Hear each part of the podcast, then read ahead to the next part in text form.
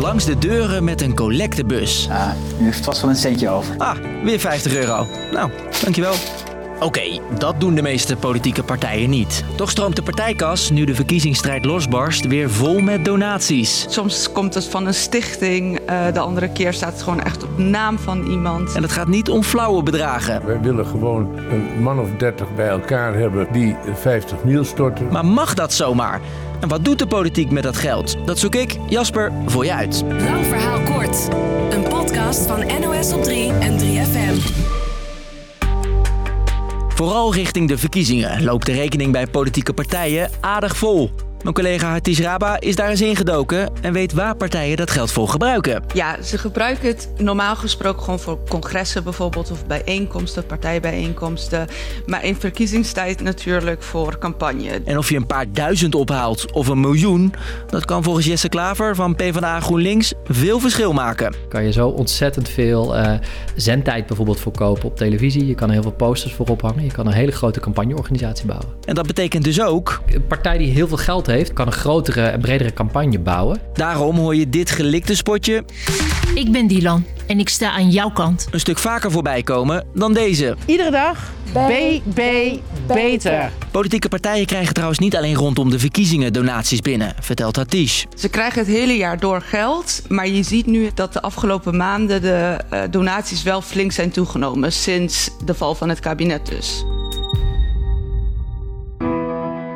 Alle partijen krijgen dus donaties. Al loopt de teller bij de ene partij wat harder door dan bij de andere. De VVD die staat echt ruim aan kop. Zij hebben anderhalf miljoen al binnengehaald. Een stuk meer dan andere partijen. En dat is mede te danken aan deze man. Ik zei jongens, je moet, je moet juist als iets verkeerd gaat proberen dat weer in je richting te krijgen. Vastgoedondernemer Cor Zadelhof organiseerde laatst een etentje met andere ondernemers. En tussen de gangen door mocht Jesselgus haar plannen delen. We hebben hele concrete maatregelen. Nog voor het toetje was de groep overtuigd. Ik heb maar één vurige hoop, dat zij minister-president wordt. En was de VVD een miljoen rijker. Andere partijen, zoals GroenLinks PvdA, die moeten het vooral hebben van kleinere donaties, vertelt Jesse Klaver. Zijn partij haalde tot nu toe zo'n 7 ton op. Goed voor een tweede plek. We hebben heel veel mensen die uh, bijdragen wat ze kunnen missen. En met al die kleine donaties zorgen wij ervoor dat wij ook een goed gevulde campagnekas hebben. Nog een verschilletje met de VVD. Bij GroenLinks en ook SP stoppen de politici ook een deel van hun salaris in de partijkas. Dat is gewoon een regel binnen de partij. En dan zijn er nog partijen die sowieso nee zeggen tegen grote donaties.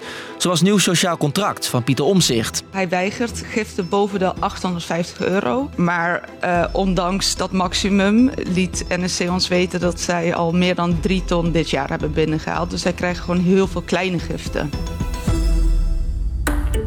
Mocht je nog wat salaris over hebben aan het eind van je maand, dan mag ook jij doneren aan de politiek.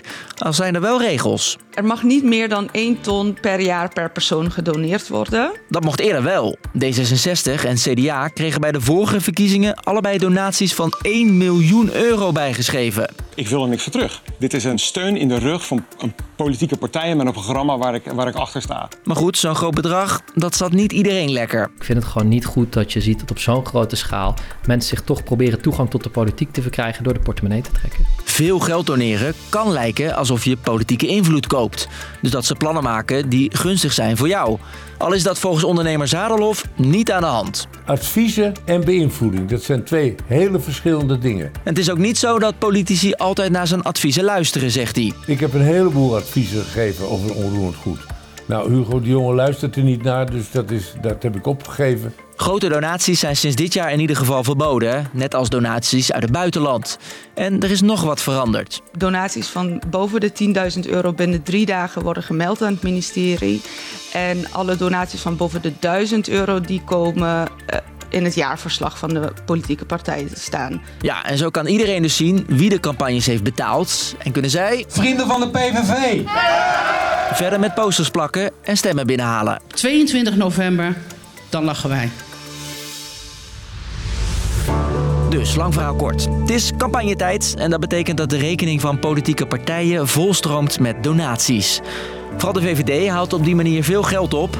Van die donaties kunnen partijen lekker los met posters en reclamespotjes. Maar er zijn ook zorgen dat zo politieke invloed wordt gekocht. En daarom is er een maximaal bedrag wat je mag doneren en moet bijna alles openbaar. Was de podcast weer? Heb je nou nog niet genoeg van politiek en de verkiezingen? Check dan vooral de debatten op ons YouTube-kanaal en de grote explainer met alle plannen van de politieke partijen. Linkje vind je in de show notes. Doei!